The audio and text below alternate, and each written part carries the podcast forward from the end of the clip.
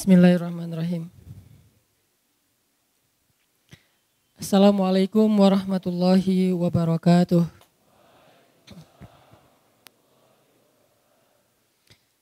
Alhamdulillahirabbil alamin hamdan katsiran tayyiban mubarakan fih kama yuhibbu rabbuna wa yarda. Asyhadu an la ilaha illallah wahdahu la syarikalah lahul mulk wa lahul hamd wa huwa ala kulli syai'in qadir. Wa asyhadu anna Muhammadan abduhu wa rasuluh. Allahumma salli wa sallim wa barik ala sayyidina wa habibina wa maulana Muhammadin wa ala alihi wa sahbihi wa man tabi'ahu ila yaumiddin amma ba' uh, para ustaz, para guru, para dosen, teman-teman sekalian, baik yang masih sendiri maupun yang udah berpasangan. Mulai walaupun uh, hujan di luar, mudah-mudahan Allah tetap memberikan kehangatan buat kita dan memberikan pahala lebih besar sesuai dengan jerih payah teman-teman yang tetap istiqomah, tetap bersabar untuk duduk dalam majelis ilmu walaupun hujan-hujanan. Mudah-mudahan pengorbanan teman-teman khususnya yang ada di luar akan Allah ganti dengan kemudahan-kemudahan nanti di akhirat terutama kemudahan untuk mendapatkan pasangan yang soleh-soleha. Beda aminnya. Teman-teman yang dirahmati Allah, malam ini saya pengen sharing tentang main dalam Al-Quran dan hadis. Boleh? Kalau biasanya dibahas tentang sholat, ibadah, zikir, sekarang main supaya kita punya modus. Kenapa main? Kata Ustaz Hanan ada ayatnya. Kok kamu senang main? Ada hadisnya. Nah kita malam ini bakalan bahas eh, kalau dalam bahasa ulama itu ar-riyadah wal fi as-sunnah an-nabawiyah. Olahraga dan main di dalam sunnah nah, Nabi. Cuman kalau ngomong olahraga agak berat, eh. Jadi bukan berlatih kali ya, tapi berma, bermain. Buat teman-teman yang anak skateboard pasti tahu lah. Bukan saya pengen jadi pro skateboarder, tapi saya cinta dengan skateboard, skateboarding. Jadi lebih ke bermainnya. Sebelum saya membahas tentang main menurut Al-Quran dan hadis, coba kita Perhatikan firman Allah di dalam surat Ali Imran ayat 14. Saya nanti bakal baca ayat ini. Teman-teman buka aplikasi Al-Quran di handphonenya. Surat Ali Imran ayat 14.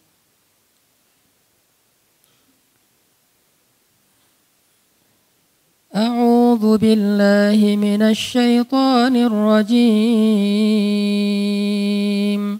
بسم الله الرحمن الرحيم. زين للناس حب الشهوات من النساء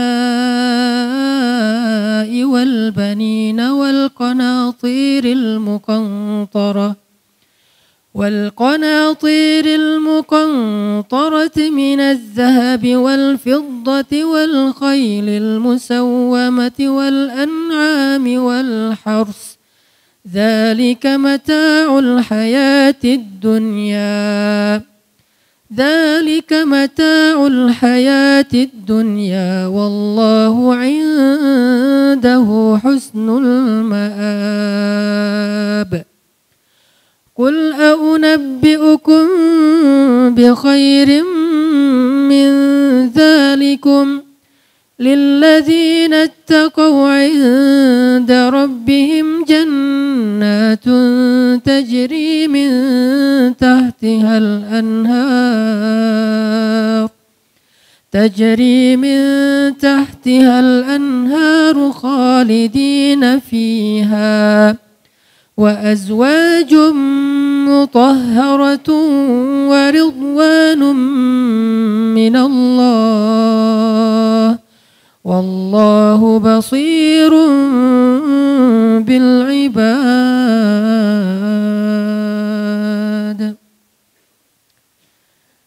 dijadikan terasa indah dalam pandangan manusia cinta terhadap apa yang diinginkannya berupa istri-istri, anak, harta benda yang bertumpuk dalam bentuk emas dan perak, kuda-kuda yang pilihan, hewan ternak, sawah dan ladang.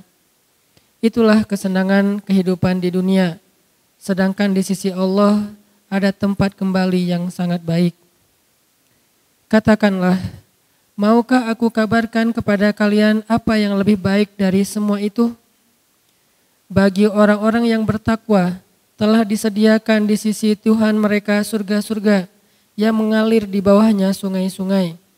Mereka kekal di dalamnya dan pasangan-pasangan yang suci lagi bersih serta ridho Allah dan Allah maha melihat dan Allah maha melihat keadaan hamba-hambanya. Sadaqallahul azim. Teman-teman yang dirahmati Allah Subhanahu wa taala, mungkin bukan pertama kali kita mendengar ayat ini atau membaca ayat ini. Kadang kita mendengar ceramah tentang ayat ini dari satu khutbah, dari satu tausiah yang biasanya setelah membaca ayat ini seorang ustadz akan menyampaikan angle bahwa ternyata dunia itu nggak penting. Akhirat itu lebih penting. Kadang-kadang ada sedikit lebih saklek sampai mengatakan jangan cinta dunia, kemudian cinta pasangan, cinta anak, cinta harta, cinta kendaraan yang bagus dan segala macam. Sebagaimana yang ada di ayat 14. Tapi kalau kita mau membaca ayat ini dengan konsep perbandingan, karena saya terbiasa ketika belajar di Mesir itu dibangun pola pikir memperbandingkan satu teks dengan teks yang lain, supaya utuh pemahaman kita, ternyata enggak gitu-gitu amat. Maksud dari dua ayat ini tuh sederhana sebetulnya. Jangan sampai dunia melalaikan kita dari akhirat. Kalau enggak sampai melalaikan, enggak apa-apa. Kita boleh mencintai pasangan, kita boleh bersenang-senang dengan pasangan. Kalau nggak ada pasangan, sabar dulu. Kita boleh punya kendaraan yang bagus, kita boleh punya kalau di sini al khailul musawwamah. Kita boleh punya onta ataupun kuda yang bagus. Musawwamah itu kuda dan onta yang mahal loh. Harga kuda Nabi itu di atas 300 juta. Harga onta Nabi itu mungkin sekitar 2 miliar. Harga, harga Alphard satu miliaran ya, berarti lebih mahal daripada Alphard. Boleh nggak kita misalnya bercita-cita pengen punya Alphard? Boleh. Asalkan jangan sampai kita korupsi. Jangan sampai kita bohong, jangan sampai kita curang, jangan sampai kita ngezolimin orang lain yang nanti merugikan dunia dan akhirat kita. Boleh nggak kita berharap punya istri yang cantik? Saya belum jawab. Boleh nggak sih? Yang di atas pengen punya suami yang keren, boleh nggak? Cie. Boleh share uh, akun Instagramnya ke belakang? Diedit dulu tapi postingannya. Yang warnanya gelap diterangin ya.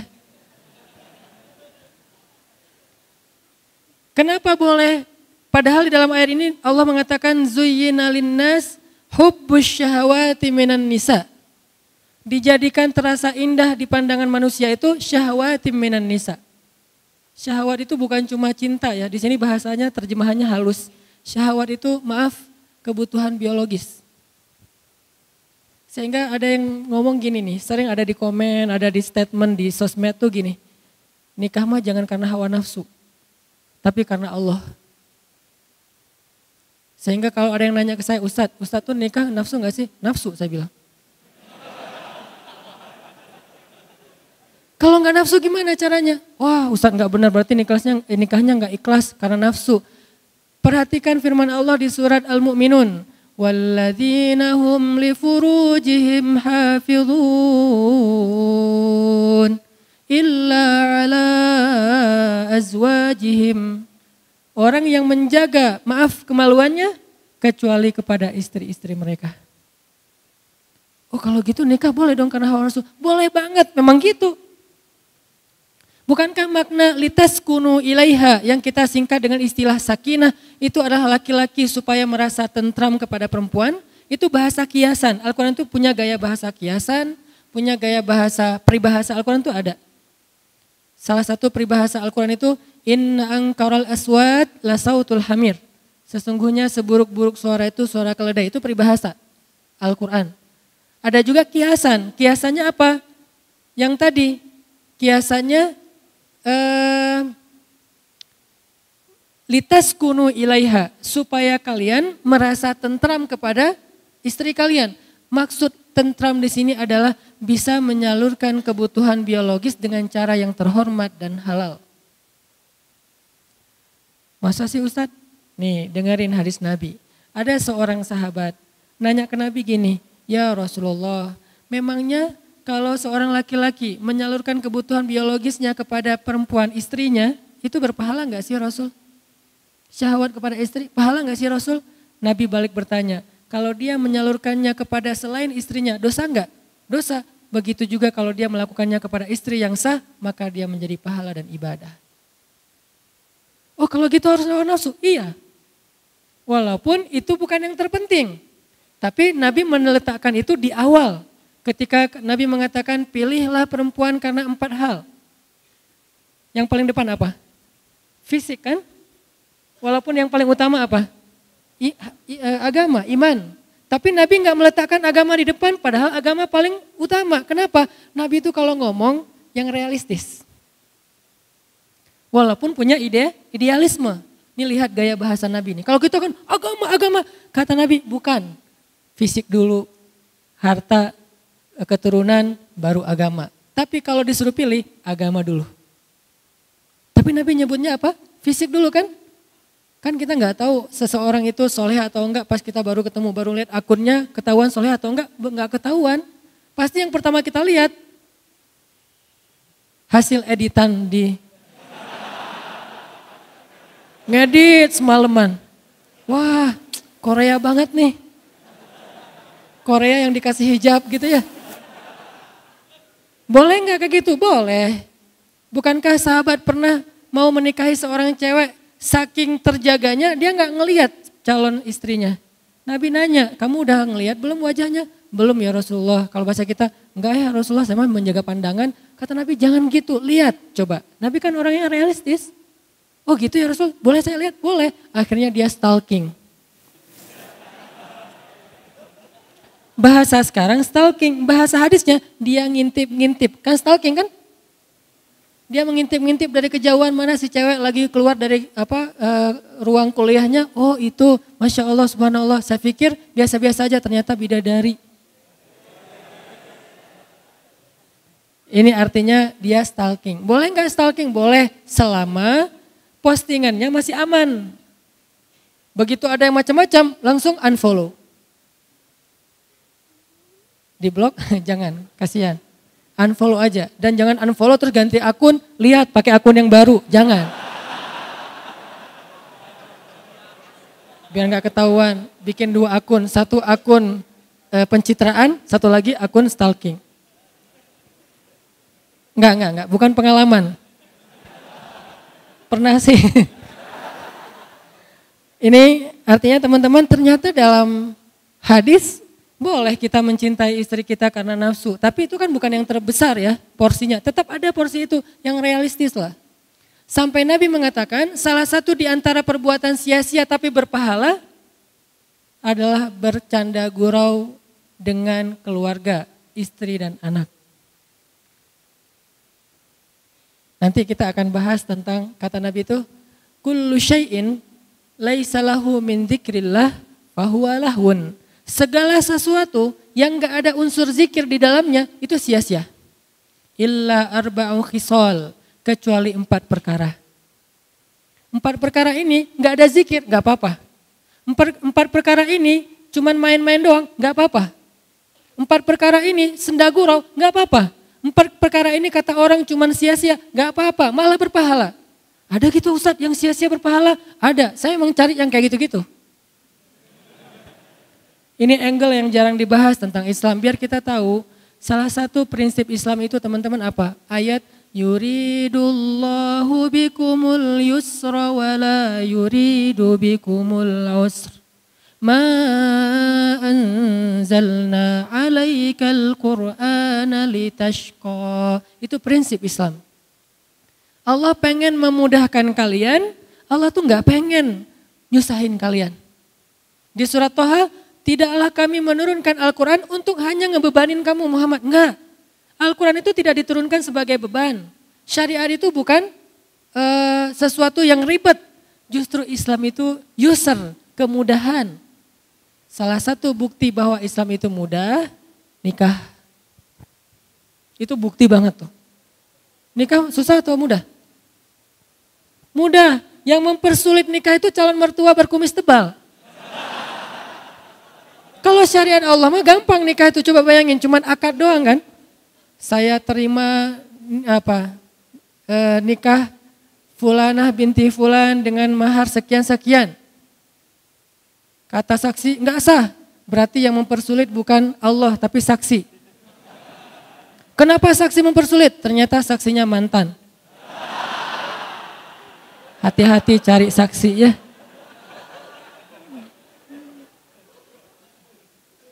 Udah akad benar? Enggak.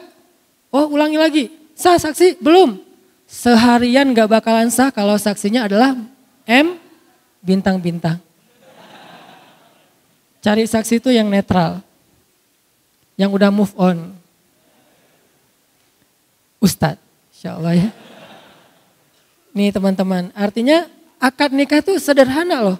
Kalau kita nggak bisa akad dengan bahasa Arab, maka kita bisa pakai bahasa Indonesia. Nggak bisa hafal, boleh nyontek. Salah bisa diulang. Salah lagi bisa diulang, nggak boleh sampai tiga kali salah passwordnya dikunci, nggak ada tuh. Kan kalau akun yang lain tiga kali salah masukin password nggak bisa lagi ya. Kita harus detek lagi tanggal lahir, nama ibu, permainan yang disukai waktu kecil segala macam. Kalau lupa gimana? Itu sulitnya birokrasi manusia. Kalau Allah mah asik-asik aja. Salah, ya udah nggak apa-apa ulang. Seharian diulang Allah tungguin. Begitu benar sekali, sah, Allah bahagia. Malaikat bahagia, ngedoain kita tuh malaikat tuh.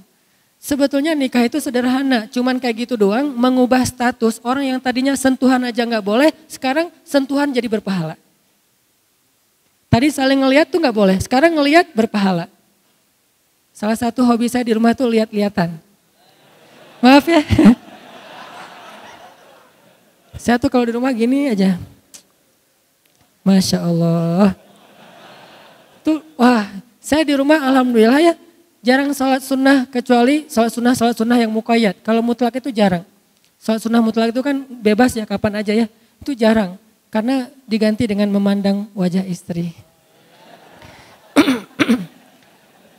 Empat hal ya. Boleh walaupun sia-sia. Boleh tuh. Kullu syai'in laisa lahu min dzikrillah fahuwa lahun illa arba'u khisal. Segala sesuatu yang tidak ada zikir kepada Allah di dalamnya lahun sia-sia kecuali empat perkara. Satu, masyur rojul bainal gardain. Bolak-baliknya seorang laki-laki di antara dua spot. Apa maksudnya? Berburu. Kalau bahasa ulama, memanah. Dari tempat dia memanah sampai target, terus nanti anak panahnya udah sampai di sana, dia ambil, balik lagi, manah lagi. Mungkin cuma satu anak panahnya atau dua, balik lagi, manah lagi. Bolak-baliknya sambil bercanda gurau, sambil ketawa-ketawa, itu adalah ibadah, bayangin. Cuman sebagian ulama menafsirkan hadis. Kalau dulu konteksnya memanah, kalau sekarang berburu. Intinya menembak kan? Bisa berburu pakai senapan angin, bisa berburu dengan senapan apa senjata e, senjata api, bisa juga latihannya yang kecil-kecil dulu, paintball, airsoft gun. Intinya belajar nembak. Dan itu walaupun ketawa, walaupun bercanda, berpahala bayangin. Makanya saya bilang ada main juga dalam Islam. Malah berpahala. Kalau niatnya apa? Karena Allah SWT. Tinggal niat doang dirubah. Oh saya pengen belajar nembak nih. Pakai apa? Senapan angin dulu deh. Kan olahraga nih. Nanti gede sebelah gitu. Udah. Atau paintball yang standar-standar dengan niat ukhuwah, silaturahim, mendekatkan kesolidan organisasi. Sekalian belajar sabar, belajar teliti, nanti airsoft gun naik lagi jadi senjata api kalau legal. Ada apa mungkin organisasinya, berburu babi, berburu rusa segala macam. Itu bolak-balik antara satu tempat ke tempat yang lain malah berpahala. Bukan hanya itu. Nabi itu pernah jalan dengan Abu Bakar dan Umar bertiga. Kan ini segeng ya, soulmate banget nih bertiga. Karena Nabi itu ada sahabat, ada geng. Sahabat Nabi itu muhajirin dan ansor. Geng Nabi, Abu Bakar dan Umar, itu geng. Biasanya Nabi kalau pengen me time, gak ada yang boleh ketemu Nabi kecuali dua orang ini. Abu Bakar dan Umar, tambah Usman satu lagi. Kayak saya pernah ceritakan Nabi lagi me time di sebuah sumur, cuma pengen sendiri aja, terus suruh seorang sahabat jagain pintu sumur, gak boleh masuk. Tiba-tiba datang Abu Bakar, ribut, saya pengen ketemu Nabi, nggak boleh, kata Nabi nggak boleh, sekarang nggak ada waktu selfie. Terus kata Nabi, siapa itu ribut-ribut di depan? Kata sahabat yang jagain, itu Abu ba ini Abu Bakar ya Rasulullah. Kata Rasulullah, izinkan dia masuk, dia itu ahli surga. Masuklah Abu Bakar. Duduk di sebelah Nabi, menjulurkan kakinya ke sumur. Ini sebagai sebuah nubuah, sebagai sebuah berita bahwa Abu Bakar nanti akan dimakamkan di sebelah Nabi. Terus datang lagi Umar. Saya pengen masuk, nggak boleh kata Nabi nggak boleh masuk. Tapi saya pengen masuk. Saya satu geng sama Nabi, nggak boleh pokoknya. Apa itu rame-rame? Ini Umar ya Rasulullah, izinkan dia masuk, dia ahli surga. Masuk aja Umar. Saya juga bilang apa, boleh masuk, masuk aja. Ini mah kalau kita ya. Masuk Umar, duduk di sebelah Abu Bakar. Nubuat bahwa Umar akan dimakamkan di sebelah Abu Bakar. Seperti itulah posisinya. Duduk di sumur gitu bertiga, ngobrol-ngobrol santai. Apa yang diobrolin? Gak tahu, pokoknya santai aja nih. Kalau kita mungkin lagi ngopi-ngopi gitu, wah ini bagus nih, sifon, ini apa 360 apa segala macam. Gak penting sih yang diomongin. Lagian namanya juga lagi me, me time. Datang lagi yang ketiga, Utsman. Saya pengen masuk, nggak boleh. Saya pengen masuk, nggak boleh. Apa itu rame-rame di depan? Ini Utsman ya Rasulullah. Izinkan Utsman masuk. Sesungguhnya Utsman adalah sebaik-baik pemuda surga. Lebih daripada Abu Bakar dan Umar istilahnya. Sebaik-baik pemuda surga. Masuk Utsman. Tempat tadi udah penuh. Akhirnya Utsman duduk di seberang itu menjadi nubuat, takwil bahwa Utsman akan dimakamkan di Baki, tidak di sebelah Rasul Abu Bakar dan Umar. Ini banyak cerita-cerita kayak gini yang jarang kita bahas. Dan angle-nya apa? Oh ternyata Nabi juga ngegeng gitu ya. Karena yang nyambung kalau TikTok itu cuma mereka bertiga nih. Kalau yang lain diam dengerin aja sami nawa atau ana masya Allah masya Allah. Kalau ini enggak ya Rasulullah gini gini gini suka berbeda pendapat dan itu seru. Makanya salah satu yang keren dari pernikahan itu kalau kita bisa chat sama istri kita tuh kadang-kadang rame, debat, tapi setelah itu pelukan, eh ya. Ini teman-teman ternyata berburu itu sesuatu yang luar biasa di sisi Allah. Sampai ada hadis Nabi, nanti cek lagi deh. Nabi bilang gini, malaikat itu menyaksikan dua hal. Dua olahraga itu, dua permainan, malaikat menyaksikan. Satu, berburu, kedua lomba berkuda atau onta. Itu malaikat nonton loh. Bukan cuman malaikat uh, diem, tapi nonton. Bayangin kalau nonton kira-kira kita gimana? Wah seru gitu kan? Malaikat yushahid. Arti yushahid malaikat ikut nonton acara berburu sama balapan. Jadi kalau dulu konteksnya berkuda beronta, sekarang mungkin BMX, ngetrail, off-road, touring, itu malaikat nonton loh. Arti malaikat nonton, malaikat tuh senang dengan kegiatan-kegiatan kayak gitu. Kalau niatnya karena Allah. Yang dilarang apa menurut ayat 14 surat Ali Imran? Jangan sampai gara-gara itu telat sholat. Itu doang masalahnya. Makanya saya sering bilang, fun itu nggak harus nambah dosa. Tetap bisa fun kok. Kita bisa asik, bisa seru tanpa harus nambah dosa. Karena Islam itu luas banget. Sampai kita balapan aja selama nggak melanggar lalu lintas, malaikat nyaksiin. Kita berburu, malaikat ikut nonton. Mana malaikat penonton? Makanya Nabi pernah jalan bertiga nih. Rasul, Abu Bakar, Umar jalan bertiga. Lewat orang yang lagi mana? Terus ada satu laki-laki pas mau mana gitu dia bersumpah. Demi Allah ini akan kena sasaran. Kan orang Arab kalau suka kalau ngomong tuh suka wallahi ya. Wallahi ini akan kena sasaran. Wallahi ini akan kena sasaran. Ternyata meleset. Kata Abu Bakar, dia sih sumpah berarti nggak kena sasaran tuh berarti dia harus bayar kifarat sumpah. Kata Nabi, sumpah dalam masalah memanah maka itu dimaafkan. Sampai segitunya. Malai, eh, sahabat saking seriusnya pengen kena sasaran tuh dapat poin yang paling gede di tengah dia sampai sumpah demi Allah ini kena nih ternyata meleset kata Abu yang lewat dia sih udah terlanjur sumpah meleset berarti dia harus bayar denda kifarat sumpah kata Nabi sumpah dalam memanah dimaafin menunjukkan gimana mudahnya Islam memberi ruang untuk orang main jadi kalau kita berburu ini kena nih ini kena nih demi Allah ini kena nih tapi jangan dimain-mainin ya karena dia serius nih ini kena nih demi Allah, nggak kena. Wah lu udah sumpah tuh bayar tuh kifarat. Bayar kifarat sumpah kan lumayan gede tuh. Berpuasa atau kasih e, makan orang miskin ternyata khusus buat latihan atau bermain. Kalau saya lebih menyebutnya bermain ya. Walaupun maksudnya berlatih itu dimaafin coba. Maka kata Nabi di antara empat yang main-main tapi berpahala, yang nomor satunya berburu. Nomor dua, nomor dua seorang laki-laki yang melatih kuda atau ontanya.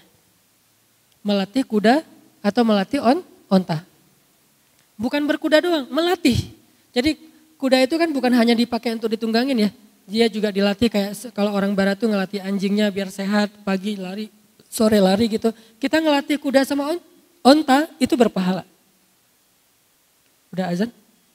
Oke, insya Allah nanti kita lanjutkan setelah azan, kita dengarkan azan dulu snipernya, penembaknya, dia dapat pahala dan dijamin surga. Yang ketiga, orang yang menyiapkannya. Yang menyiapkannya ini kalau dalam konteks dulu sejarah yang bawa-bawa anak panah. Kalau sekarang dalam konteks sniper modern kan ada dua orang ya. Satu yang nembak, satu lagi yang apa itu istilahnya itu. Ya gitu deh. Asisten atau apa itu. Nah gitulah pokoknya, saya nggak ngerti istilahnya. Kan ada dua orang kan, satu yang nembak, satu lagi yang ngukur-ngukur gitu kan, kecepatan angin atau apa. Nah, dua-duanya dapat pahala dan dijamin surga. Coba lihat, betapa luar biasanya Islam. Sampai yang kayak gini-gini diatur. Kalau kita selama ini memandang Islam itu sempit, pasti karena pemahaman kita, bukan karena Islam itu sempit. Kadang ada orang ngapain sih kayak gitu-gitu, ini apa manfaatnya, ini tujuannya apa, ini kok sia-sia segala macam. Kenapa saya kadang-kadang komen baca lagi. Kenapa? Karena kurang baca, baca deh. Karena hadis yang kita baca kan dari dulu innamal amalu bin miniat. Padahal jumlah hadis itu yang dihafal Al-Bukhari aja ada 200 ribu hadis. Yang dihafal oleh Imam Ahmad bin Hambal ada sejuta hadis. Berapa yang sudah kita hafal sehingga kita mengatakan ini sia-sia. Banyak angle-angle agama, angle Islam yang kita belum tahu. Termasuk tadi mundar mandir sampai disebutkan oleh seorang tabi'in tentang keadaan sahabat di zaman Rasul. Dia bilang, saya melihat banyak sahabat-sahabat Nabi itu ketika memanah lagi latihan, kalau sekarang bermain, antara satu spot ke spot yang lain mereka sambil cari, ngambil anak panah, sepanjang perjalanan mereka bersenda gurau, bermain-main, saling tertawa, dan kata mereka ini sesuatu kebaikan. Jadi nggak sekaku, mana mau wajahnya apa, uh, serius gitu ya. Terus lempeng aja. Kalau ada yang ketawa, astagfirullahaladzim gak boleh banyak ketawa. Gak gitu-gitu amat Islam teh. Tapi kan ada hadis Nabi yang mengatakan, kalau kalian ngelihat apa yang aku lihat, kalian akan sedikit tertawa dan banyak menangis. Hadis ini harus dibandingkan dengan hadis yang lain. Kenapa itu boleh ketawa, kenapa ini nggak boleh? Menunjukkan bahwa konteksnya ada sahabat ketawanya nggak penting. Ketawanya itu kebanyakan, ketawanya itu sesuatu yang sifatnya sia-sia. Kalau ketawa, kalau bercanda dalam urusan kayak gini nih, sesuatu yang bermanfaat, maka itu dibolehkan. Bahkan Nabi pernah dalam perang Khaybar. Perang Khaybar tuh Nabi tuh dalam satu perjalanan tiba-tiba beliau nanya, saya lupa namanya nanti cek lagi. Mana Fulan bin Fulan? Siapa yang ditanya sama Nabi? Seorang sahabat yang dia itu pintar mencairkan suasana. Keahlian dia itu dia kayak stand up komedi gitu, tapi positif. Dia tuh kalau ada di tengah-tengah sahabat yang lain, itu semuanya jadi suasananya tuh jadi cair, keadaannya jadi nyaman, ucapannya tuh renyah. Sehingga Nabi itu nanya dia ketika dalam perjalanan Khaybar, kenapa? Karena perjalanan Khaybar ini cukup menegangkan. Para sahabat itu agak-agak khawatir gitu, soalnya perjalanannya kan subuh. Eh sebelum subuh, kabut, mau ngebent eh, mau nge, ngepung benteng Khaybar. Benteng Khaybar itu bertingkat-tingkat. Sahabat tegang. Dalam kondisi kayak gitu Nabi nanya, mana Fulan bin Fulan? Supaya apa? Supaya dia bisa lucu di depan kita terus kita jadi santai gitu. Coba lihat. Ternyata yang punya semangat humoris, yang punya bakat ngegu, apa ngejok gitu, itu ternyata di antara sahabat dibutuhin juga tuh. Walaupun jumlahnya nggak banyak. Jangan semua sahabat jadi apa komik ya, mungkin satu dua gitu. Ada porsinya. Yang jelas hal yang kayak gitu diapresiasi dalam Islam selama masih posi, positif. Nggak mencela agama, nggak sara, nggak membo, nggak dusta. Nah selama masih positif itu sesuatu yang diapresiasi dalam Islam. Jadi profesi sebagai seorang entertainer dalam Islam kadang dibutuhin loh dalam kondisi-kondisi tertentu. Makanya kadang-kadang ada teman-teman dari organisasi kemanusiaan tuh kalau pergi ke Palestina, pergi ke kamp pengungsian di Suriah tuh kerjaan mereka tuh bukan cuman bagi-bagiin obat, pangan gitu enggak. Kadang-kadang cuman menghibur kayak kita misalnya ada korban bencana alam gitu kan ya. Bikin kayak playground buat anak kecil, terus bikin games dan segala macam. Oh ini aktivis nggak penting banget sih datang-datang cuma menghibur doang, bukan nyuruh ngaji, bukan nyuruh apa zikir, sholat. Itu juga ya, yang ini juga ya nggak ada masalah di antara satu dengan yang lain. Kenapa sih kita parsial banget tentang Islam? Seolah-olah satu bagian itu mulia, yang lain hina. Bukankah mereka juga butuh dihibur supaya e, trauma psikis mereka itu terobati? Dan Nabi melakukan itu dalam perang Khaybar. Ini menunjukkan main dalam Islam itu ada porsi. Walaupun porsinya nggak boleh ngalahin ibadah tapi ada porsinya. Seorang entertainer dalam Islam itu diberikan penghargaan oleh Nabi. Sampai Nabi nanya di mana dia. Dan luar biasanya lagi, sahabat yang tadi ditanya sama Nabi ternyata hadir, saya Rasulullah. Terus Nabi menyuruh dia di sebelah Nabi, Nabi nyuruh dia bicara sehingga yang lain terhibur. Setelah itu, pas pulang Nabi nanya di mana dia, ternyata dia syahid dalam perang Khaybar. Dulu tuh seorang komik syahid. Hebat ya? Dia komik, dia syahid. Dia entertainer, dia syahid. Itu keren banget loh. Jadi yang syahid-syahid itu bukan cuma hafiz, seorang ahli ibadah, seorang entertainer juga syah, syahid. Dia ada bagiannya dalam jihad. Bagiannya apa? Menghibur sahabat yang lagi galau. Duh saya ninggalin istri ini gimana nih? Udah tenang aja ada Allah. Oh ya dia punya peran di situ. Sampai ada yang bagiannya apa? Bikin syair. Kayak pas gali parit khandak tuh para sahabat itu bikin syair pas bikin Masjid Nabawi. Sampai syairnya kemudian diriwayatkan jadi sebuah kayak nyanyian gitu. Apa syairnya?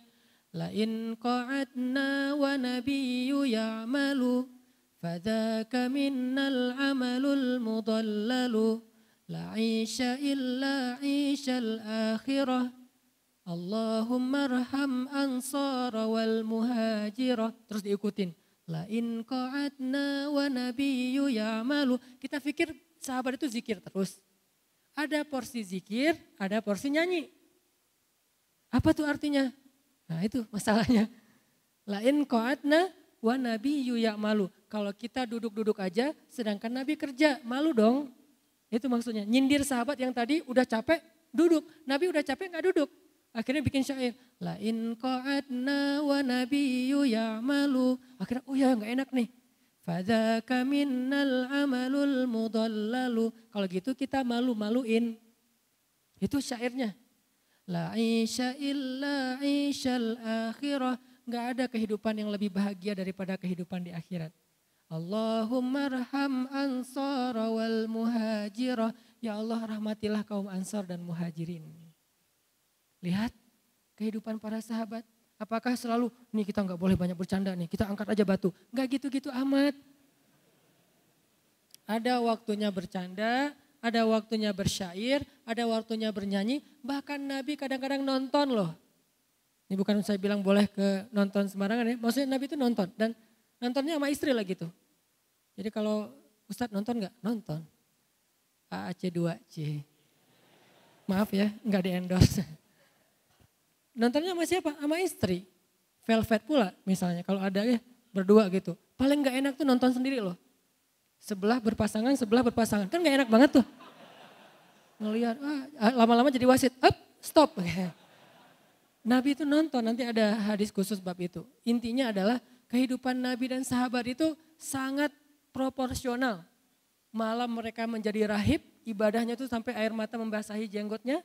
Siang mereka menjadi fursan, kesatria, menunggangi kuda, dan dalam kondisi-kondisi tertentu mereka bercanda dan bermain-main. Makanya terjemahan dari ayat 14 surat Ali Imran nggak boleh parsial. Jangan main-main, jangan bercanda, nggak boleh sibuk dengan istri, nggak boleh sibuk dengan anak, nggak boleh sibuk dengan kendaraan. Nggak gitu maksud Allah, kita boleh menjadikan semua itu sebagai mata ul hayati dunia, kesenangan dunia, tapi jangan lupa akhirat itu lebih keren loh. Jadi kalau dunia aja kita semangat, harusnya akhirat lebih semangat. Kayak misalnya teman-teman yang uh, semangat mencari pasangan di dunia. Allah bilang azwajun mutahharah. Di akhirat juga ada pasangan. Yang saya sering bilang di akhirat, di surga itu nggak ada lagi jomblo. Jadi nggak ada yang duduk sendiri, ngahuleng, sedih gitu. Eh lo kenapa? Gua ditikung. Nggak ada tuh. Di akhirat tuh nggak ada yang kayak gitu-gituan. Semuanya sudah ridho. Mutmainnah radiyatan mardiyah. Dalam keadaan ridho dan diridhoi oleh Allah Subhanahu wa taala. Pasangannya, pasangannya siapa? Yang kita sebut bidadari itu, itu istilah bahasa Indonesia kan? Bahasa Arabnya apa? Azwaj, pasangan bukan bidadari. Siapa azwaj? Itu tuh yang di atas-atas tuh.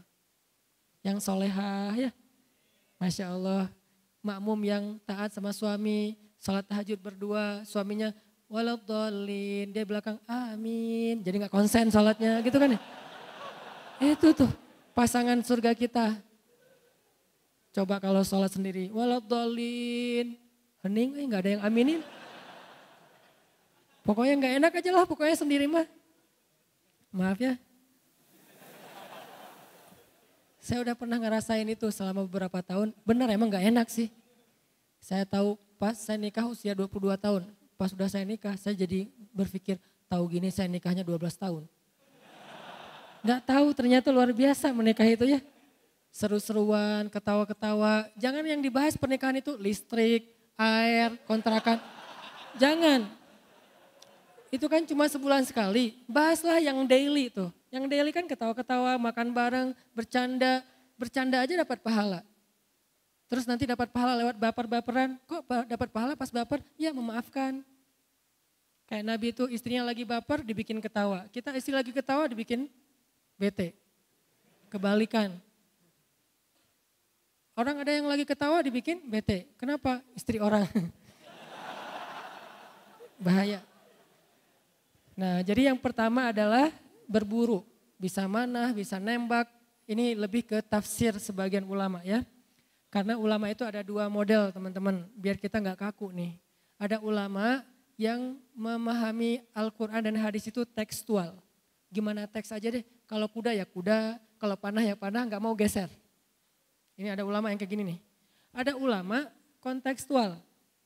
Kalau dulu kuda, sekarang skateboard, BMX, ngetrail, moge, Vespa, kontekstual. Konteks dulu tuh kuda sama onta, konteks sekarang skuter.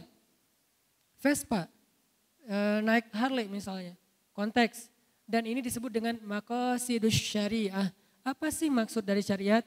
Mesir cenderungnya ke yang kedua nih. Modelnya tuh kontekstual, pola pikirnya. Madinah cenderungnya yang pertama. Dua-duanya baik. Gak usah saling menyalahkan. Terserah kita mana yang paling nyaman kan. Karena saya dulu belajar di Mesir dibiasakan berpikir dengan persepsi kontekstual, maka kita membiasakan untuk memahami teks supaya bisa relevan dengan konteks kekinian. Modal berpikir ala Mesir. Tapi kan hadisnya dan bukan terjadi di Mesir Madinah doang teman-teman. Di zaman sahabat udah ada pola pikir kayak gitu. Ada sahabat yang tekstual, ada sahabat yang kontekstual. Kayak pas Nabi bilang habis perang Khaybar, eh perang Khandak, Nabi bilang, ayo kita kepung benteng Bani Quraidah. Jangan sholat asar kecuali di Bani Quraidah. Nih kalimatnya, jangan sholat asar kecuali di Bani Quraidah. Akhirnya sahabat beres perang Khandak, berangkat ke Bani Quraidah. Siapa tuh Bani Quraidah? Orang Yahudi yang berkhianat. Mereka lah yang mengompori orang kafir Quraisy untuk nyerang Madinah. Pengkhianat nih, udah ada perjanjian damai ternyata mereka ingkari. Mereka langgar. Nabi nyuruh kepung Bani Quraidah supaya mereka mau memperbaiki diri. Jangan sholat asar kecuali di Bani Quraidah. Berangkat sahabat. Di tengah jalan waktu masuk waktu asar terjadi perbedaan pendapat. Sebagian bilang, eh kita sholat dulu yuk. Soalnya ini udah asar nih daripada ntar ke, sampai maghrib. Kata yang lain, nggak bisa kan kata Nabi jangan sholat asar sampai ke Bani Quraidah. Kata yang pertama, enggak gitu maksud Nabi. Maksud Nabi buruan berangkat, mudah-mudahan keburu asar di sana. Tapi kalau enggak keburu ya udah asar aja dulu. Kata yang kedua, enggak gitu. Pokoknya gimana teks aja. Terjadilah perbedaan pendapat sahabat. Sebagian sholat asar dulu baru lanjut perjalanan, sebagian langsung lanjut perjalanan. Pokoknya meeting poinnya di Bani Quraidah aja. Dari sana akhirnya terbelahlah pendapat ulama secara umum menjadi dua model berpikir. Satu kontekstual, satu lagi tekstual. Dua-duanya baik dan kita harusnya husnuzon kepada dua-duanya. Kalau kepada yang tekstual, husnuzonnya apa? Mereka tuh hati-hati banget takut salah. Keren kan? Kalau yang kontekstual, husnuzonnya apa? Mereka itu ingin Islam itu selalu relevan dan memberi solusi setiap zaman. Itu juga baik. Sehingga nggak ada di antara sama, sesama muslim saling menyalahkan. Karena dua-duanya berawal dari konsep berpikirnya para sahabat. Termasuk yang tadi, kalau yang tadi istilahnya memanah, menurut ulama eh, tekstual, ya udah memanah memanah aja. Sehingga kita sampai sekarang belajar mana, walaupun zamannya mungkin memanah udah jarang kepake ya, lebih banyak kepake senjata api. Bagi ulama kontekstual bukan memanah, manah boleh, pakai senjata api boleh, belajarnya pakai paintball dulu, airsoft kan juga, boleh, kontekstual, dua-duanya boleh. Saya cenderung kepada yang kedua, kontekstual. Tapi saya respect sama yang pertama. Tapi menurut saya yang kedua lebih tepat. Yang pertama mungkin dengan pemahaman yang berbeda. Ini ini maksudnya. Terus yang kedua kata Nabi, main-main tapi berpahala apa? Walaupun gak ada zikrullah tadi, melatih kuda. Bagi ulama tekstual, kuda ya udah kuda aja, jangan ditafsir-tafsirin. Bagi ulama kontekstual, dulu kuda dan onta sekarang menjadi kendaraan. Bisa mobil, bisa motor, bisa trail, bisa Vespa, bahkan bisa BMX dengan niatnya untuk kebaikan. Bayangin kita main BMX misalnya untuk supaya selalu fit, olahraga, badannya kebentuk, itu kan kebaikan kan? Karena mukmin yang kuat lebih disukai Allah daripada mukmin yang lemah, walaupun dua-duanya baik kata Nabi. Berarti kalau niatnya supaya kuat kan belajar nggak usah yang ngetrik-ngetrik macam-macam. Bani hop aja, itu udah lumayan berat kan? Kalau menurut saya sih lebih berat daripada ngetrik uh, olinya skateboard. Karena itu ngangkatnya lebih luar biasa. Langsung seluruh tubuh itu kebentuk. Ototnya langsung jadi itu. Berarti kalau niatnya mukmin yang kuat lebih baik daripada mukmin yang lemah, walaupun dua-duanya baik, maka main BMX itu adalah ibadah. Hidup anak BMX ya main BMX segala macam termasuk skateboard, eh, longboard, eh, downhill kayak gitu-gitulah. Pokoknya riding aja. Selama niatnya untuk jaga kesehatan, apalagi kalau niatnya untuk berdakwah, apalagi kalau dalam konteks tertentu niatnya untuk membela agama, maka ini menjadi sesuatu yang berpahala. Bahkan malaikat menyaksikan. Kan gak mungkin kita sambil main BMX terus tausiah kan? Mau ngetrik, teman-teman yang dirahmati Allah subhanahu wa ta'ala. Kan nggak gitu. Yang namanya main, main aja udah, nggak usah nggak usah terlalu serius. Nanti ada bagian tausiah di masjid. Kalau main, udah aja main. Kayak kemarin saya ke Palu tuh, kita bikin lomba berenang. Saya bilang siapa yang bisa ngalahin saya berenang, wah padahal saya nggak jago. Sosok jago aja apa ngenantang. Siapa yang bisa ngalahin saya berenang ke tengah laut, yang paling jauh, saya fallback. Oh ya siap Ustaz, siap. Akhirnya rame-rame karena pengen di fall, di fallback. Berenang tuh. Gayanya apa Ustaz? Bebas. Berenang, itu benar-benar jauh sampai airnya gelap loh.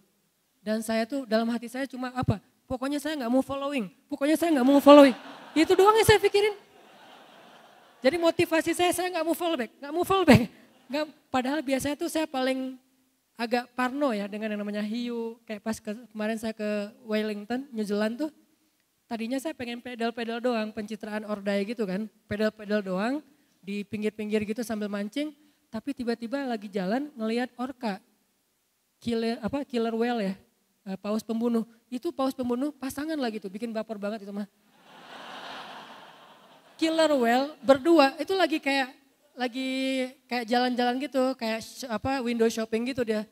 Killer whale lagi window shopping di pinggir pantai. Naik, muncul, uh, tenggelam, naik lagi. Wah killer whale lebih ngeri daripada hiu, kan lebih cerdas ya ah nggak jadi deh pedalnya nggak jadi pencitraan ya udah longboard aja semampunya gitu. Artinya saya tuh paling parno tapi gara-gara nggak pengen ngefollow saya maksain. Sampai saya buka mata, wah udah gelap gini, terus aja pokoknya jangan sampai saya follow lebih dari satu. Pas sudah sisa satu, udah deh cukup satu aja. Alhamdulillah ada yang e, berenangnya tuh hampir 500 meter, jauh banget ke tengah laut.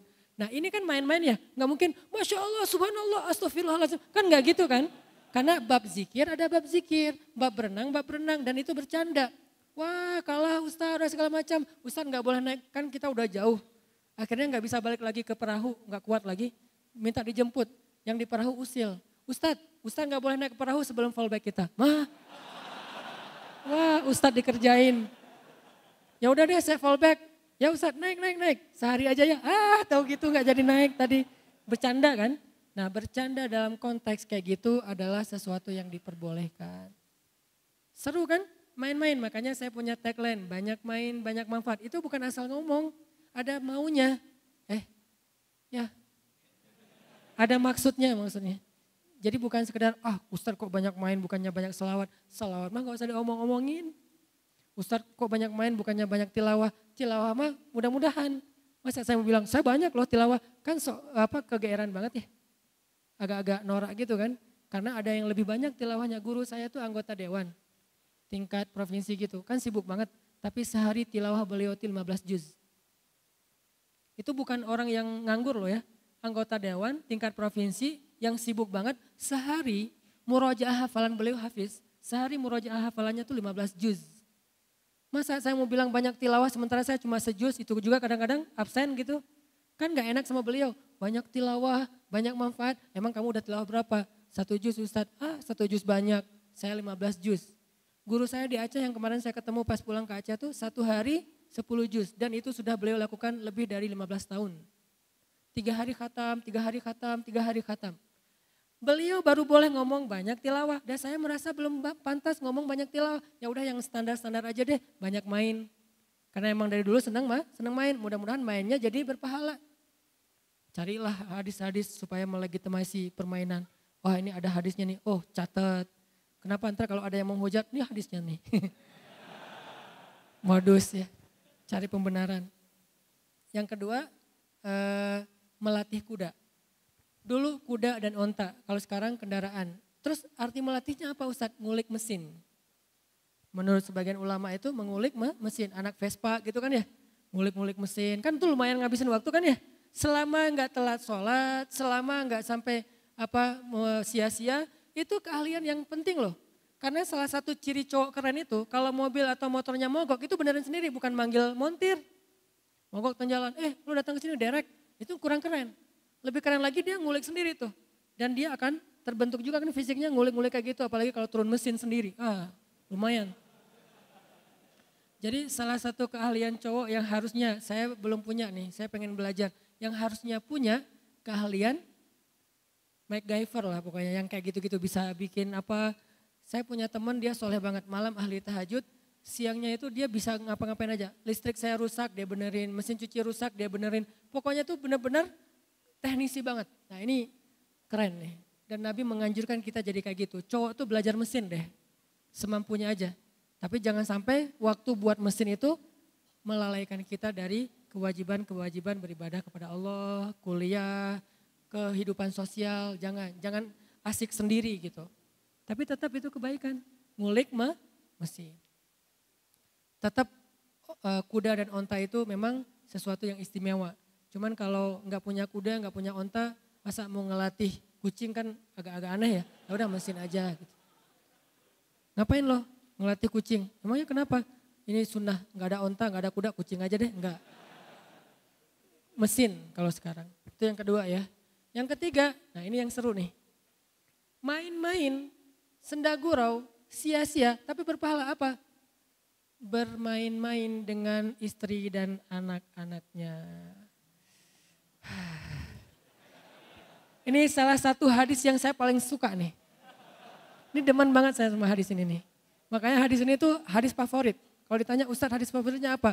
Hadis tentang empat permainan yang berpahala. Terutama nomor tiga, main-main sama istri dan anak. Boleh gitu Ustadz? Boleh banget lah. Orang Nabi itu suka main-main sama istrinya. Nih contoh-contoh Nabi main sama istrinya ya. Salah satunya Nabi lagi pulang dari satu perjalanan dakwah gitu atau jihad. Terus di rumah Aisyah lagi main kayak boneka-bonekaan. Jadi dalam Islam patung, boneka boleh kalau hanya sebagai alat untuk main-main.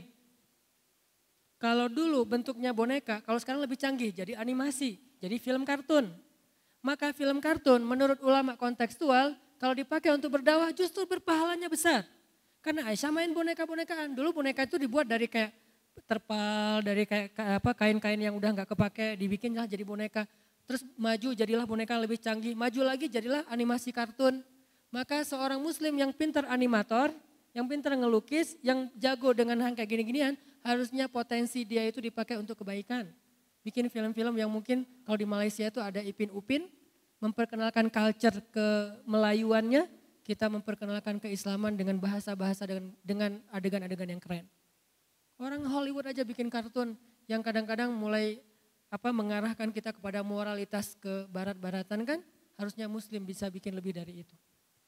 Wah nggak boleh melukis. Kalau konteksnya adalah untuk anak kecil, melukis atau boneka yang disebut patung, mau ukurannya besar atau kecil yang namanya mainan, boleh. Yang nggak boleh patung sembahan. Kalau disembah nggak boleh. Kalau hiasan, nah kalau bab ini ikhtilaf di antara ulama, tanya aja ke Ustadz Fikih deh. Kalau hia, hiasan. Tapi kalau permainan, kalau sekedar boneka, maka itu boleh. Boneka Aisyah kecil, kalau boneka anak sekarang kan kadang-kadang gede tuh. Ada ulang tahun dikasih boneka Hello Kitty gede. Dikasih boneka beruang gede. Kalau anak laki-laki bukan boneka, robot-robotan, superhero kayak gitu-gituan kan. Nah ini semuanya boleh. Kenapa? Karena Nabi pernah pulang dari satu perjalanan ngelihat Aisyah lagi main boneka-bonekaan. Waktu itu Aisyah masih kecil gitu kan, baru lulus SD. 12 tahun kan baru lulus SD ya. Baru lulus SD, Nabi datang. Nabi itu capek loh, baru pulang perjalanan, tapi Nabi itu orangnya asik. Bukan, Aisyah gue capek siapin air hangat. Gak gitu Nabi ke istrinya. Kita kan baru pulang, uh, kita panggil, eh kamu, siapa? Kamu, buat siapin air hangat. Emang saya siapa kamu? Teman kos.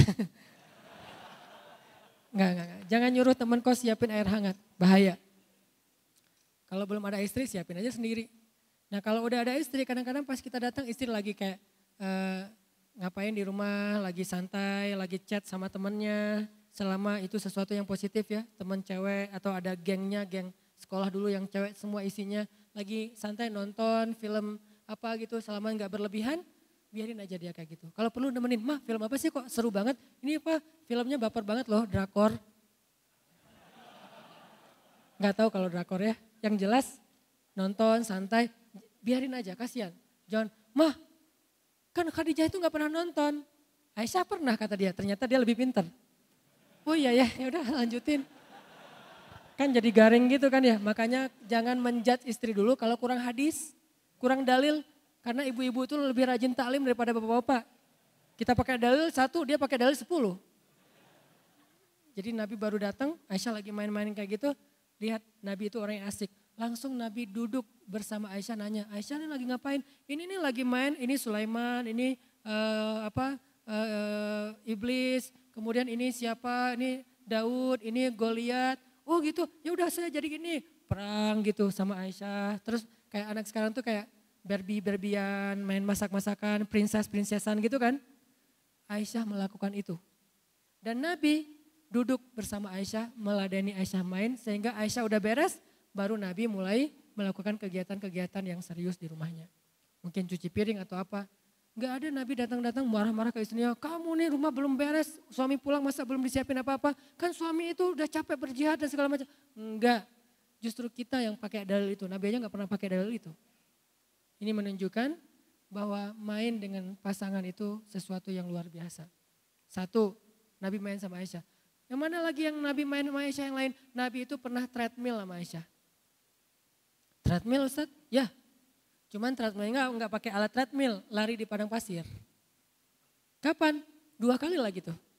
Dua kali bukan berarti Ustadz eh, eh, apa eh, dek atau yang yuk kita treadmill kan udah dua kali Kang. Oh iya ya, sunnahnya cuma dua kali nggak boleh lebih. Nggak gitu maksud Nabi. Kalau Nabi dua kali bukan berarti kita cuma boleh treadmill seumur hidup dua kali. Kan Nabi treadmill seumur hidup cuma dua kali. Bukan angkanya bahwa Nabi melakukan berulang-ulang. Kapan Nabi treadmill? Nih hebatnya Nabi. Treadmillnya lagi jihad. Bukan lagi normal di rumah. Itulah kenapa saya kalau dakwah keluar kota selalu menyisakan satu hari buat main aja. Saya nggak mau cuma ceramah aja.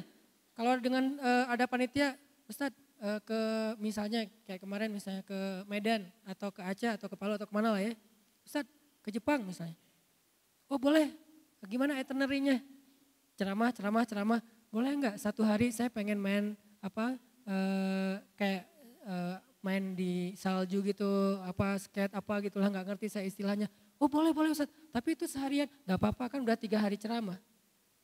Ustaz ini aneh ya, yang lain mah ceramah, sholat, istirahat. Ini mah main. Kenapa? Nabi juga pulang jihad main. Itu konteksnya jihad kan?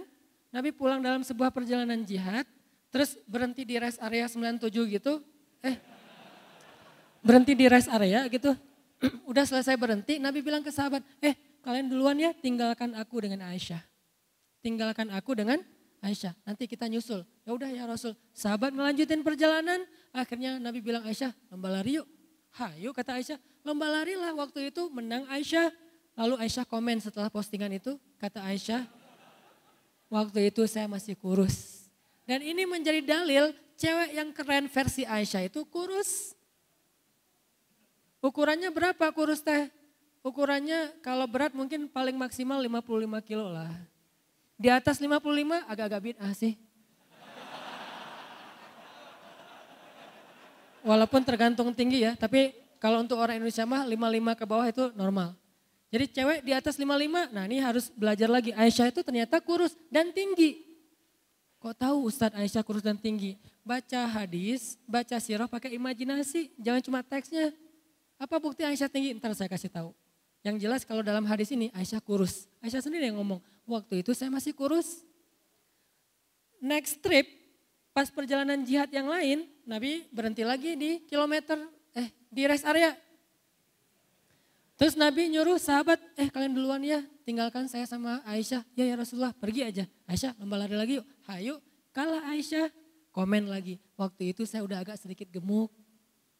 Kata Nabi, ini balasan saya untuk yang kemarin. Jadi skor kita sama ya Aisyah satu-satu. Ya kata Aisyah agak-agak bete gitu ngambek karena Aisyah kalah. Dan itu wajar terjadi di antara Nabi dan istrinya. Berarti Nabi itu menyempatkan main ketika sedang berjihad, bukan berdakwah loh. Lebih ngeri daripada dakwah, serius. Jadi kalau ada orang ngomong kok dakwah tapi ada mainnya apa segala macam, kurang baca siroh, bacalah siroh. Islam itu enggak kaku seperti yang kita bayangin. Yuridullahu bikumul yusra. Tapi jangan dimudah-mudahin. Karena Allah itu udah mudahin kita banget. Tanpa kita mudahin, udah banyak kemudahan. Tanpa kita ringan-ringankan, udah banyak keringanan. Tinggal kita baca aja tuh. Teks agama kita yang sangat lengkap banget, komplit. Buku hadis itu tuh berjilid-jilid. Kenapa banyak jilid? Menunjukkan betapa luasnya Islam. Kalau buku hadis kayak buku tulis doang berarti Islam itu sempit. Untungnya buku hadis itu sampai puluhan jilid menunjukkan Islam itu luas banget. Itu mainnya Nabi sama Aisyah. Jadi treadmill nih berdua. Dan treadmill berdua itu seru loh. Udah berapa kilo yang dua kilo? Wah kita nggak mau, kalah kan? Minimal kita dua kali lipat dari istri. Jadi kalau saya treadmill sama istri, dia tiga, saya harus enam. Dia enam, saya enam setengah.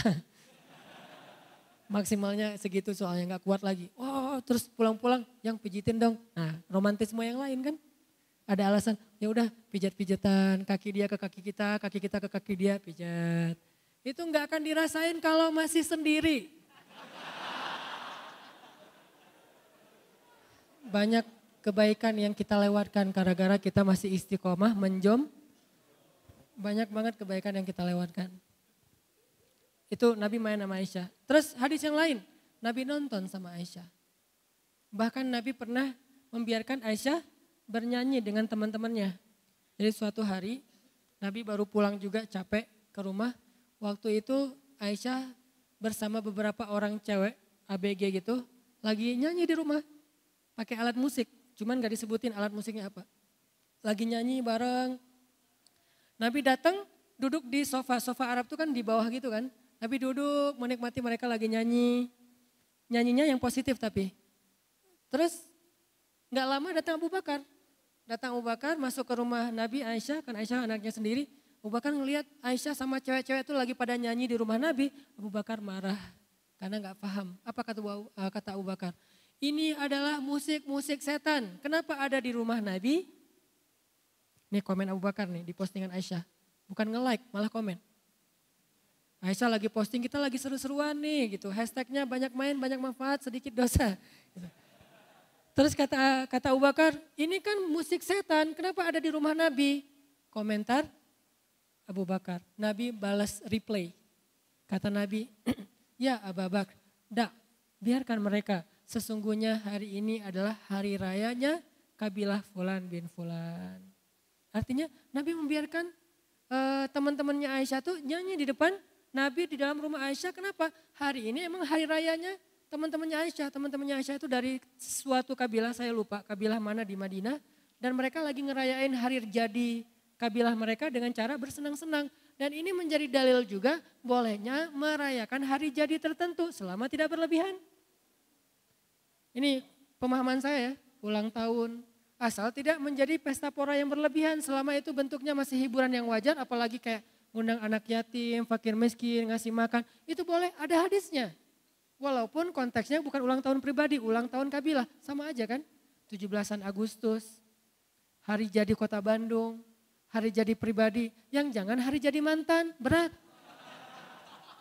Kalau hari jadi jadi sendiri mah gak masalah. Nah ini terjadi di zaman Nabi.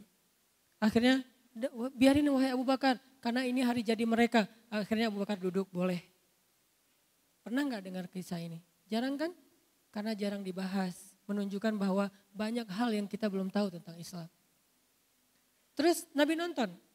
Hari jadi kota eh, hari jadi negeri Habasyah. Habasyah itu kalau sekarang Ethiopia. Nah Ethiopia ini kan ada hari jadinya. Pas pekerja-pekerja kayak TKI gitu, TKI Habasyah yang tinggal di Madinah, mereka pas hari jadi kota Habasyah kayak memperingati gitu. Makanya mereka bikin kayak festival gitu, namanya Habasyah Fest. Bikin festival Habasyah. Jadi kayak ada festival, terus ada kulinernya, ada stand-stand apa uh, uh, merchandise-nya. Terus ada beberapa perform, ada dance, ada dance loh. Cuman dance-nya apa? Dance pedang. Dulu namanya tarian pedang, kan dance kan? Kita akan menerjemahkan saja, ada dance-nya, laki-laki pada ngedance pedang gitu, yang nggak ada belly dance. Nggak ada tuh, karena nggak bo nggak boleh. Tapi tarian pedang, cowok-cowok pada uh, nari ala-ala militer gitu ada. Berarti Nabi nonton dance, dance yang masih positif. Terus ada kayak uh, apa ring MMA-nya tuh, Ultimate Fight. Karena banyak budak-budak Habasyah itu jago tarung kan, budak Habasyah itu kan jago tarung. Akhirnya mereka bikin kayak uh, perlombaan tarung, Ultimate Fight, mul, apa mix martial art bebas gaya apa aja. Juaranya terdapat piala dari uh, ketua uh, apa ketua ikatan orang-orang Habasyah di Madinah. Jadi ada kayak organisasinya gitu. Dan setiap lima tahun ganti ketuanya. Kayak kita lah pokoknya. Akhirnya mereka bikin uh, gulat, uh, tarung gitu. Dan Nabi nonton. Berarti nonton Ultimate Fight salah satu yang dibolehkan dalam agama. Selama nggak judi, nonton tuh hiburan doang dan tidak berlebihan. Nah akhirnya nontonnya bareng siapa? Bareng Aisyah. Adegannya lucu loh. Nabi lagi di rumah. Hari ini hari festival Habasyah. Orang di luar tuh rame, oh ketawa di sana, ketawa di sini, seruan di sana, asik di sini. Aisyah tuh mondar mandir aja depan Nabi di dalam rumah. Aisyah mau ngajak Nabi nonton gak enak. Tapi pengen itu apa uh, lagi iklan uh, apa uh, now showing gitu kan, lagi tampil, lagi perform kayak gitu. Terus Aisyah cuma lihat trailernya doang, aduh diulang-ulang trailernya sama Aisyah. Terus Nabi ngelihat Aisyah mundar mandir, mundar mandir. Nabi itu kan orangnya pengertian ya, empati banget. Nabi bilang, Aisyah, aturidu na zurin dengan lembut. Aisyah, kamu pengen nonton? Coba. Tanya itu sama istri. Aisyah, kamu pengen nonton? Aisyah senyum, wajahnya merah. Tandanya dia malu, pengen. Aisyah, uh, bukan turidun. Aisyah, hal tashtahina zuri? Aisyah kamu pengen nonton kata Nabi. Aisyah ngangguk terus nunduk wajahnya merah. Ya udah ayo kita nonton kata Nabi. Ayo pegangan tangan sama Nabi. Pegangan tangan dengan pasangan sunnah. Yang nggak punya pasangan kasihan. gini aja ya sendiri. Pegangan tangan Nabi sama Aisyah. Nonton nih. Beli tiket, ngantri, terus nonton. Nontonnya gimana? Nabi berdiri, Aisyah di sebelah Nabi. Itu berdirinya tuh dempet loh. Berdiri, nempel, kemudian Aisyah meletakkan dagunya di atas pundak Nabi. Nabi itu orangnya tinggi. Kalau sampai cewek bisa naruh dagunya di atas pundak Nabi, menunjukkan cewek ini orangnya tinggi. Kurus, tinggi, keren. Itulah Aisyah. Jadi Nabi milih Aisyah juga, wah Aisyah ini tinggi ya. Makanya Aisyah tuh pernah menggibah seorang istri Nabi yang pendek kan. Sofia kalau nggak salah. Nabi ngapain sih rajin-rajin ke rumah Sofia? Emang kenapa Aisyah? Sofia itu kan gitu kata Aisyah. Karena Aisyah cemburu kepada Sofia. Sofia itu kan cuma beda setahun sama Aisyah. Istri Nabi itu semuanya muda kecuali satu. Siapa yang tua? Saudah. Yang lain semuanya muda. Istri Nabi itu muda-muda, cuman yang perawan cuma satu Aisyah. Yang lain gak perawan tapi muda. Berapa usia Sofia ketika dinikahi Nabi? 17 tahun, baru aja lulus SMA. Waktu itu Aisyah umurnya 16 tahun cuma terpaut eh, setahun. Makanya Aisyah tuh paling cemburu berat sama Sofia udah cantik, muda pula, dan orangnya tuh asik gitu, seru. Nabi kalau udah ngobrol sama Sofia bisa lama tuh. Sampai akhirnya uh, Aisyah stalking IG-nya Sofia. Mana hadisnya Aisyah stalking IG-nya Sofia? Diam-diam Sofia lagi posting acara di rumahnya. Jadi Sofia tuh kayak lagi ngundang anak yatim, tasyakuran di rumahnya. Udah gitu foto bareng, selfie bareng ibu-ibu, posting. Aisyah diam-diam melihat tapi nggak mau nge-like, takut ketahuan. Nabi tahu Aisyah lagi stalking Sofia. Akhirnya Nabi japri, Aisyah lagi stalking Sofia ya. Akhirnya Aisyah ketahuan malu gitu. Hadisnya gimana sih Ustadz? Hadisnya Aisyah pas lagi Sofia bikin acara di rumahnya, diam-diam datang ke sana pakai cadar biar nggak ketahuan. Stalking kan? Datang pakai cadar, jalan. Yang mana sih yang Sofia itu? Penasaran gua, kok Nabi betah banget di rumah dia. Orangnya gimana sih? Datang pakai cadar. Yang biasanya cadarnya kayak gini, dia pakai cadar yang agak-agak beda sekarang. Benar-benar nggak diketahui. Nabi itu kan orang teliti banget, menunjukkan Nabi itu mata Aisyah aja tahu. Hati-hati pakai cadar kalau baru nikah, ntar ketukar. Suaminya nggak hafal gitu kan, mama bukan, saya masih jomblo gitu. Nih, buat yang cadaran ya. Saya respect sama yang cadaran, tapi saya menganut mazhab yang tidak cadaran. Istri saya tidak ada yang cadaran. Tidak cadaran. Tidak cadaran. Teliti banget sih. Nah Aisyah pakai cadar datang ke rumah Sofia. Duduk aja di pojok. Jadi Aisyah tuh mojok gitu. Yang lain pada ketawa-ketawa Aisyah giniin aja. Nabi dari kejauhan ngeliat, oh Aisyah. Pas Aisyah udah beres acara, Aisyah pulang sendiri kan. Dikejar sama Nabi. Aisyah kata Nabi, hah ketahuan? Kok tahu? Ya tahulah istri saya, kata Nabi kan ya, kamu kan matanya khas, mata bidadari gitu. Wah gitu. Hurul Ain. Istilah bahasa Arabnya bidadari apa? Hurul Ain, yang matanya besar dan bulu matanya lentik. Yang matanya itu hitamnya hitam banget, putihnya putih banget, bersih, lentik, dan keren banget. Alisnya itu bertaut dan kayak pedang. Aisyah kayak gitu. Kalau kita kan dibentuk dulu, di, di dikikir terus di kayak ditatoin gitu ya biar lurus gitu lama-lama kok jadi kayak balok ya lurus kayak gini ya. Kalau Aisyah itu dari sononya udah kayak gitu udah keren. Makanya Nabi pas ngeliat oh ini Aisyah nih dikejar sama Nabi Aisyah gitu kata Nabi. Aku ah, tahu akhirnya jalan berdua pulang nih. Sepanjang jalan Nabi itu kan orangnya asik ya asik diajak chat ngobrol Nabi sama Aisyah. Kata Nabi eh, kata Aisyah e, ya Rasul kata Aisyah apaan sayang kata Nabi kalau misalnya Nabi jadi penggembala ternak, penggembala domba, terus ada dua padang rumput, yang satu udah pernah dipakai orang, yang satu lagi belum pernah. Kira-kira Nabi mau menggembala domba di mana? Kata Aisyah. Aisyah menjebak nih. Nabi itu orangnya cerdas. Ya yang belum pernah dipakai lah, itu yang paling gua suka nih. Padang rumput yang masih uh, apa bagus, masih rimbun, masih belum pernah ada yang apa pakai di sana untuk ber, menggembala. Kata Aisyah, oh gitu. Ya Nabi ngerti kan? Ngertilah kata Nabi. Maksudnya apa? Satu-satunya istri yang istri Nabi yang perawan cuma Aisyah. Aisyah lagi nyindir. Nabi orangnya pengertian, cerdas. Kalau kita kayak gitu, ya tergantung sih. Bete kan istri kita? Kurang cerdas. Eh, e, gimana masakan aku? Ya kurang garam sih mah, terlalu jujur. Bilang aja, mah papa itu udah sering makan di restoran, tapi ini lebih enak loh dari semua restoran. Ah si istrinya kan gitu kan ya. Walaupun habis itu, mah ada garam. Gombal-gombal dikit lah. Nabi itu luar biasa menjaga perasaan Aisyah. Makanya Aisyah tuh pernah cemburu sama Sofia gara-gara Sofia itu salah satu yang cantik banget selain Maria kan. Ada Sofia, ada Zainab, ada Hafsah, ada Maria. Hafsah itu 19 tahun. Ada Maria orang Mesir. Tahu sendiri lah orang Mesir kayak gimana. Keren banget lah. Arab tuh yang keren tuh Mesir, Lebanon, Suriah. Tuh keren-keren tuh. Nah Maria dari Mesir, ini Sofia orang Yahudi. Jadi salah satu istri Nabi itu orang Yahu, Yahudi yang masuk Islam. Kata Aisyah, ya Rasul ngapain sih senang banget ke rumah Sofia? Sofia itu kan pakai kode bahwa Sofia itu pen, pendek. Kenapa? Aisyah itu tinggi orangnya. Lalu Nabi sedikit tersinggung dan mengatakan, ya Aisyah, seandainya ucapanmu itu ditaruh di lautan, maka seluruh lautan itu akan menjadi berbau bangkai. Apa maksudnya? Karena gibah itu seperti bangkai. Lebih bau daripada bangkai, enggak boleh menggibah. Nabi kalau udah bab kayak gini, marah. Kok marah? Kan Nabi enggak marah. Marah Nabi. Nabi pernah marah dan menasihati Aisyah. Gara-gara apa? Gara-gara Aisyah menggibah Sofi, Sofia. Tapi di sisi lain, di sini menjadi dalil Aisyah itu orangnya emang tinggi. Makanya pas Aisyah berdiri di sebelah Nabi, meletakkan dagunya di atas pundak Nabi berdirinya nempel gitu nontonnya tuh begini nonton tuh berdua.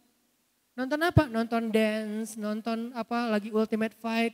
Terus Nabi seru gitu. Pas udah lama nonton Nabi ngelirik ke Aisyah, hampir aja hidung Nabi kena hidung Aisyah gitu kan sama-sama mancung tuh. Imajinasikan roh. Nabi kan mancung, Aisyah mancung. Aisyah, udahan? Hmm, kata Aisyah. Ah, coba.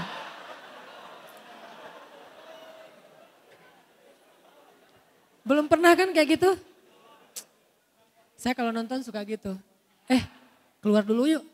Kan belum selesai ini lagi kayak klimaksnya tuh lagi apa lagi uh, adegan paling seru, apalagi film-film thriller gitu yang pembunuhan. Oh ya udah. Terus kalau yang horor-horor pembunuhan gitu kan itu paling lebih seru lagi nontonnya. Ah takut. Cowok banget lah ya. Walaupun kita juga takut. Saya pernah nonton film horor kayak gitu yang thriller-thriller pembunuhan gitu. Ternyata yang lebih heboh malah saya. Ah, ah, dia, eh gitu banget sih. Iya aku orangnya lembut. Agak-agak kurang keren sih waktu itu saya mah. Lama-lama kita nonton itu lagi, enggak ah lo kurang asik kalau nonton film horor. Enggak kali ini gue mau jadi cowok sejati. Nonton kayak tren tebusan. Kan itu horor banget ya, zombie-zombian gitulah. Pas ada yang muncul zombinya, saya yang loncat duluan terus. Ah sama aja udahlah, apalagi pakai 3D gitu kayak gitu-gitu. Nah Nabi itu nonton seru, terus Aisyah taruh, tenang banget tuh Aisyah. Aisyah udahan, hmm, masih kayak gitu sampai tiga kali. Aisyah udahan ya udah kelamaan, ya udah pulang. Pas pulang Aisyah komen lagi di postingan itu. Apa kata Aisyah? Sebetulnya gua tuh bukan lagi nonton. Gua tuh lagi posting ke orang-orang betapa mesranya saya dengan Rasulullah SAW. Ini menunjukkan bermesraan di tempat umum adalah sunnah. Selama tidak berlebihan dan halal ya.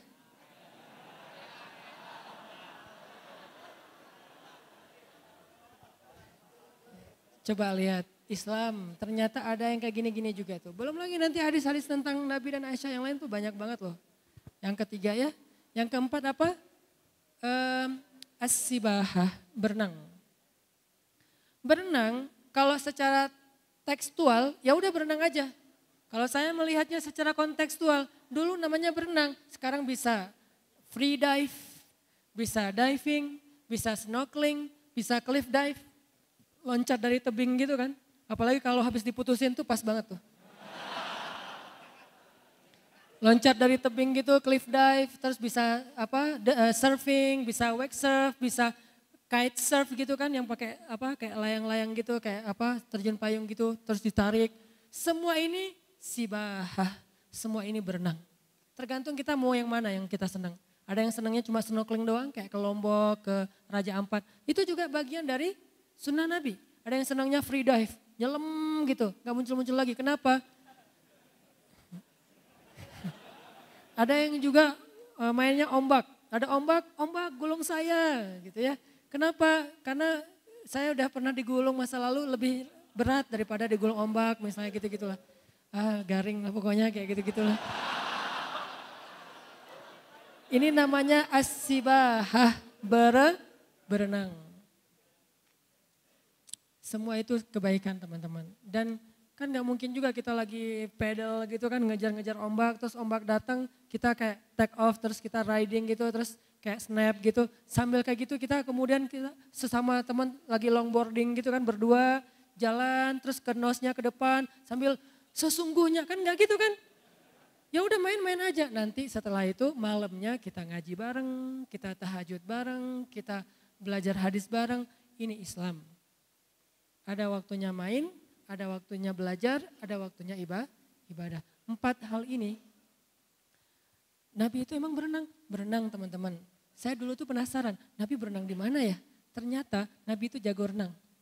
Kapan beliau belajar berenang? Ketika beliau masih berusia enam tahun saat beliau dibawa oleh ibunya ziarah makam ayahnya Abdullah di sebuah kabilah dan di sana tuh ada kayak telaga danau kecil, di situlah Nabi belajar berenang. Jadi Nabi usia 6 tahun udah jago berenang, si bolang Nabi teh. Berenangnya tuh di danau kecil telaga gitu sama teman-temannya, eh berenang, berenang segala macam, e, lomba berenang. Ini permainan yang keempat yang berpahala. Tapi di dalam hadis yang lain ada yang kelima teman-teman. Bergulat tarung.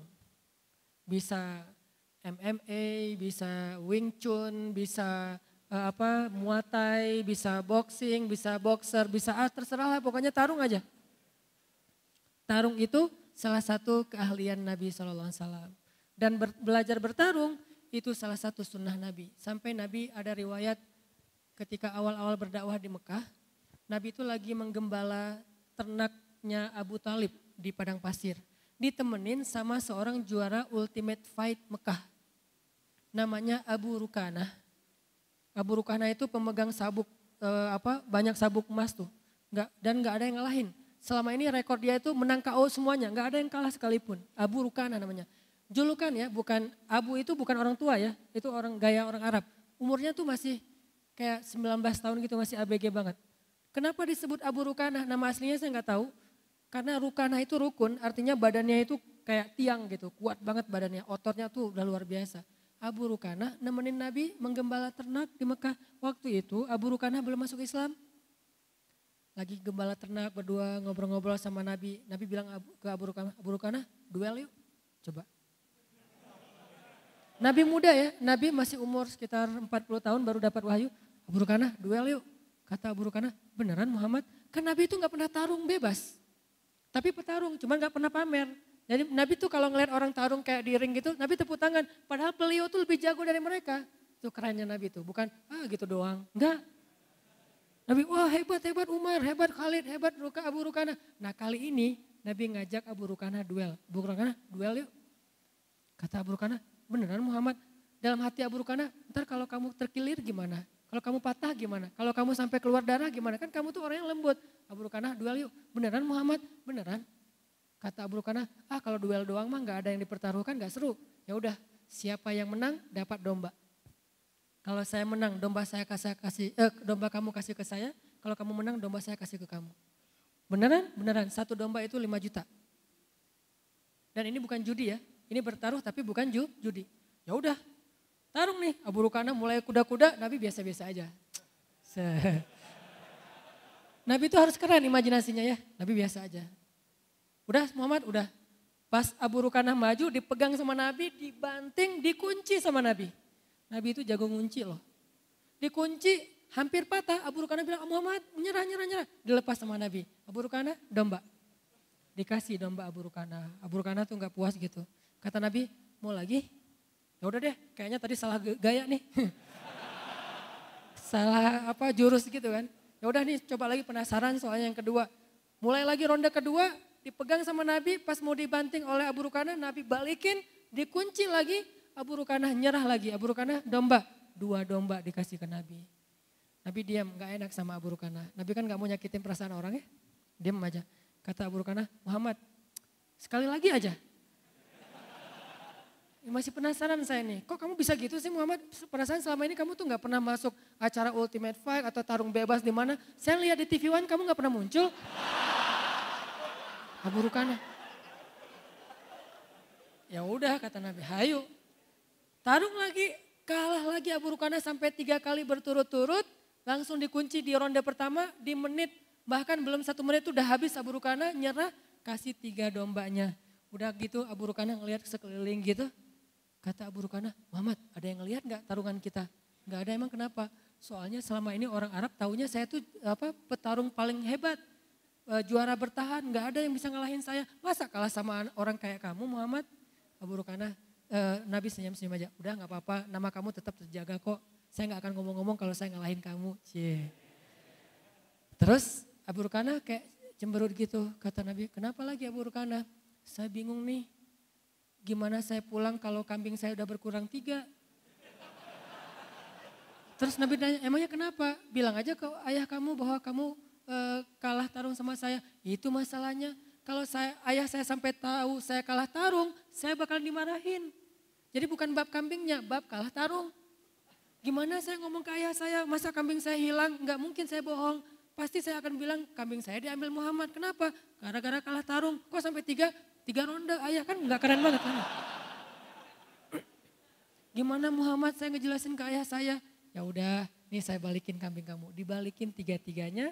Kemudian Abu Rukana mengatakan, tidak ada orang yang lebih keren daripada Muhammad. Ya Muhammad, asyhadu an la ilaha illallah wa annaka rasulullah. Masuk Islam. Tarung. Kita pikir itu cuma main-main. Semua potensi anak muda itu bisa menjadi potensi dakwah Mau tarung, mau skateboard, mau BMX, mau apa aja pokoknya selama tidak melanggar syariat dan berbuat dosa, lakukan, have fun. Udah hidup apa nikmatin aja hidup kalian, yang penting waktu hayya ala sholat, simpan sebentar, sholat dulu. Udah gitu lanjutin lagi. Lagian keringat, terus apa eh, sehat, keker gitu kan lebih bagus ya. Keringetan, mandi, pakai parfum kan keren. Nah ini sesuatu yang sebenarnya dalam Islam yang sangat dihargai. Mudah-mudahan dari banyak riwayat-riwayat tadi kita makin yakin untuk berhijrah. Islam itu enjoy banget. Batasannya tuh gampang, jangan nambah dosa. Dan tidak selalu yang nggak nambah dosa itu nggak asik, asik banget kok. Tetap fun insya Allah. Itu aja yang bisa saya sampaikan. Mudah-mudahan Allah merahmati majelis kita, menambah iman kita, memperbaiki akhlak kita, dan memperbaiki amal-amal kita. Allahumma inna nas'aluka ilman nafi'a wa qalban khashi'a wa amalan mutaqabbala wa rizqan halalan tayyiba. Rabbana atina fid dunya hasanah wa fil akhirati hasanah wa qina azaban nar. Subhanakallahumma wa bihamdika asyhadu an la ilaha illa anta astaghfiruka wa atubu ilaik. Assalamualaikum